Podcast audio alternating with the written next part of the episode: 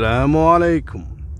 بما أني توني طالع من منطقة صباح السالم حصلت فيها قصة قصة جريمة في سنة 83 في اثنين مصريين صعايدة. واحد ينقال له نادي وواحد ينقال له فرج. نادي عمره 28 سنة وفرج عمره 48 سنة.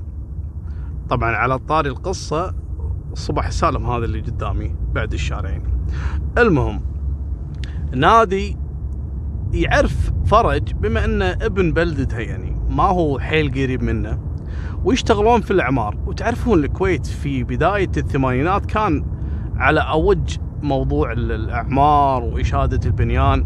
كانت منطقة صباح السالم من المناطق اللي توها ناشئة في 83 لكن نادي وفرج كانوا يشتغلون في أحد المنازل في الروضة.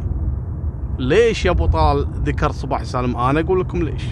لما كانوا يشتغلون نادي وفرج في أحد البيوت في منطقة الروضة نادي كان معاه 30 جنيه مصري. فئة 20 جنيه برقه واحدة والفرقة الثانية 10 جنيه. أنا أذكر لكم تفاصيل لأنها مهمة في القضية. بالإضافة إنه كان معاه دينار واحد كويتي وشيك بقيمة 1500 جنيه مصري. كان حاطهم في الجاكيت ماله. وتعرفون العمال إذا بلشوا الشغل في البيوت يفسخ ملابسه النظيفة يعني يحطها على صوب يلبس ملابس الشغل. تحوشه أصباغ تحوشه كذا. المهم حاط الملابس في أحد الغرف اللي كذلك تحت الإنشاء. وقام يشتغل طول النهار.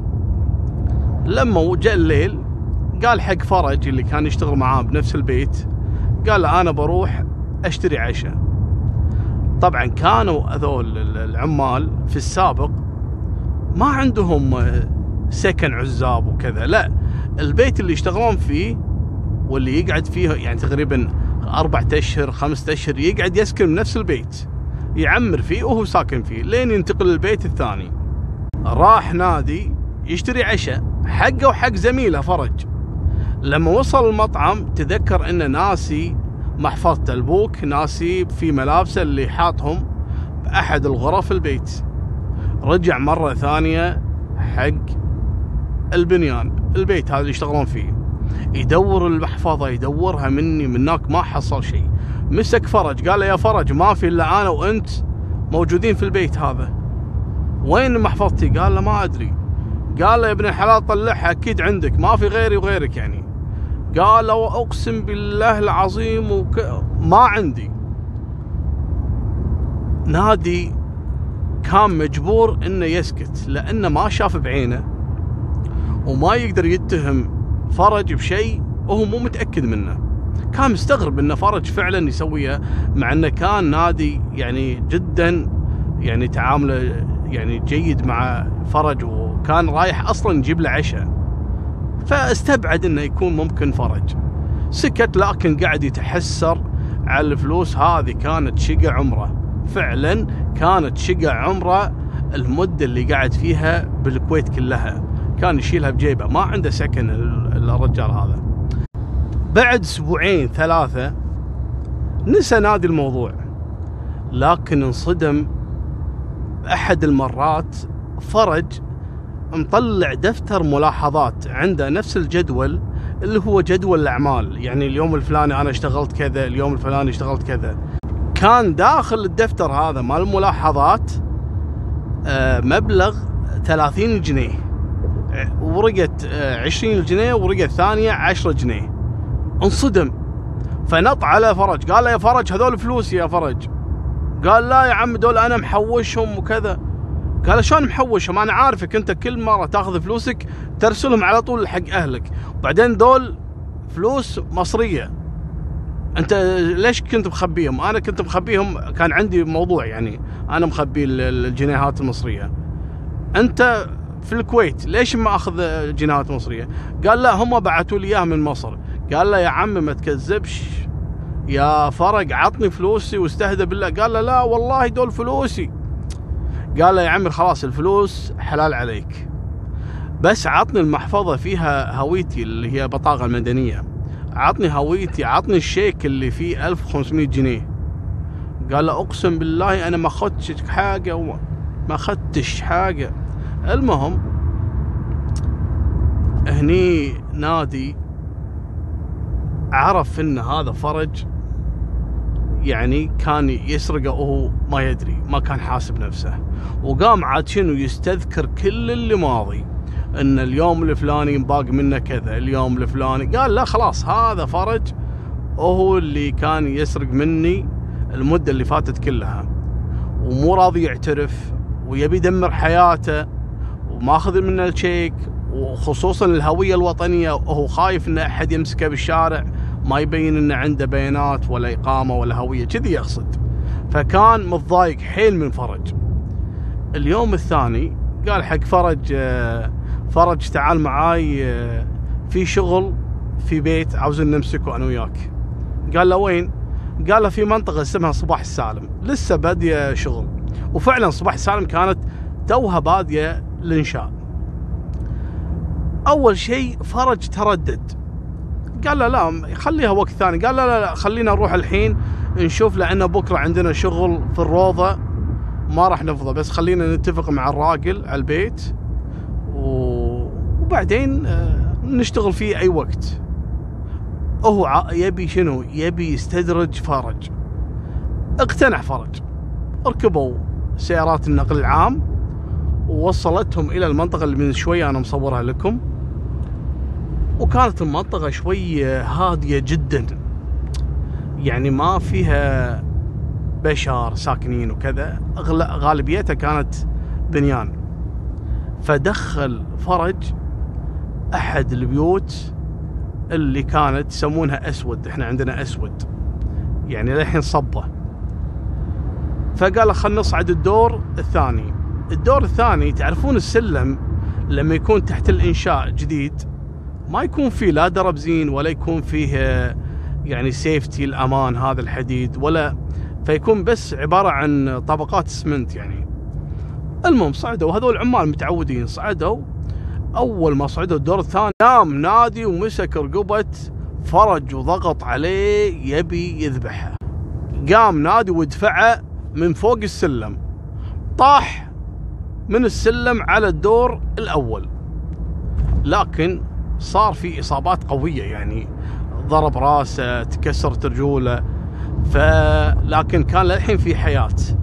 فحاول إنه يزحف علشان ينزل إلى الدور الأرضي. يبي ينحاش من نادي. نادي قام لحقه وسحبه من رجوله ودخله أحد الغرف بالبيت ومسك اللي هي طابوق البناء عرفتوه؟ وضرب راسه لين هشمه. خلص جريمته. اكتشف نادي إن تكرمون حذاءه اللي هو الجوتي ماله كان متقطع. قام ولبس آه، أحذية القتيل فرج. وترك أحذيته وهو هناك ومشى. وراح عاد البيت وغسل نفسه من الدم ومسح كل آثار الجريمة. وخلى فرج جثة وترك فرج يسبح بالدم.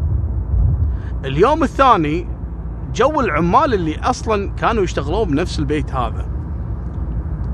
أول ما شافوا الجثة بلغوا العمليات. وصلوا عاد المباحث والطب الشرعي والأدلة الجنائية ورفعوا الجثة. منو هذا؟ حاولوا يتعرفون قالوا له هذا فعلا عامل كان يشتغل في منطقة الروضة. ترى العمال أيامها يعرفون بعض مقاولين يعرفون العمال بنيان خصوصا لما يكون عامل مميز يعني يكون بفهمكم إياها. يعني هذا كان مذكور في تقرير النيابه إن هذا عامل يسمونه آه، نجار مسلح.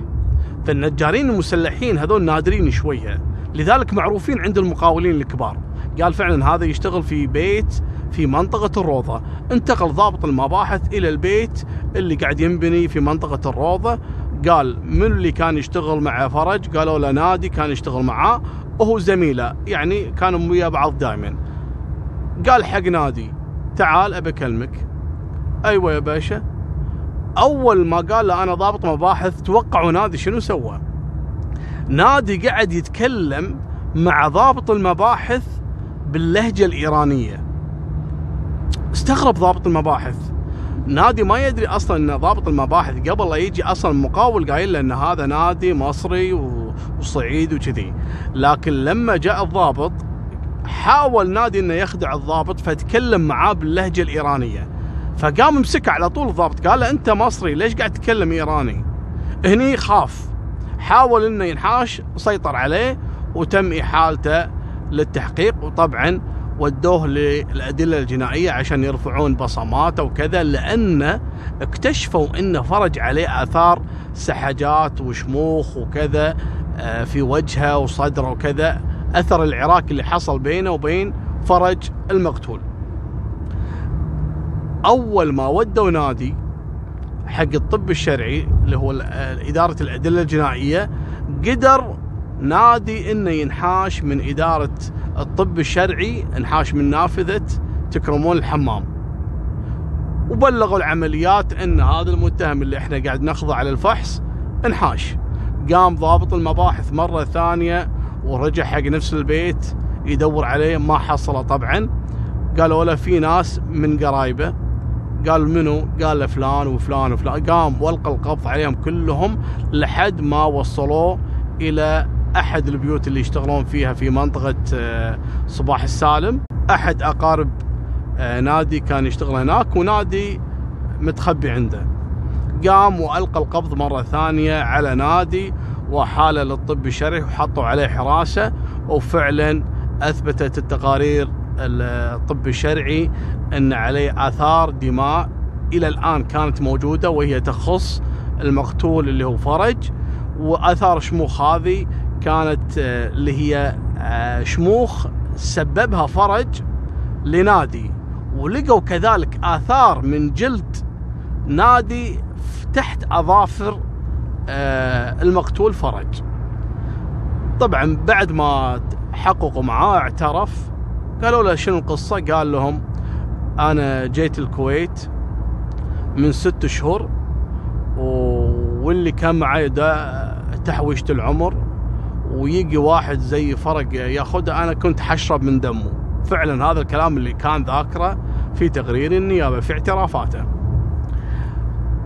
هذا الحكي كله جريمة القتل صارت في شهر 10 83 وتحديدا في تاريخ 16 واحد 1986 طلعوا نادي من الزنزانة وهدوه إلى منصة الإعدام.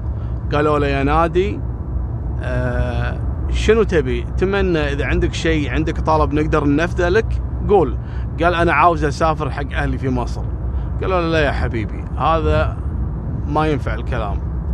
المهم يقول لك قاعد يصارخ بشكل هستيري يقول وبشر القاتل بالقتل ولو بعد حين. بشر القاتل بالقتل ولو بعد يعني استخف الرجال خلاص وصل لحد عارف شاف الموت بعينه.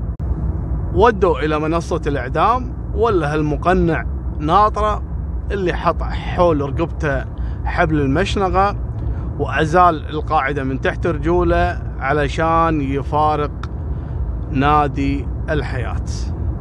هذه نهاية سالفتنا ولا تنسونا باللايك والاشتراك وفمان الله مع السلامة.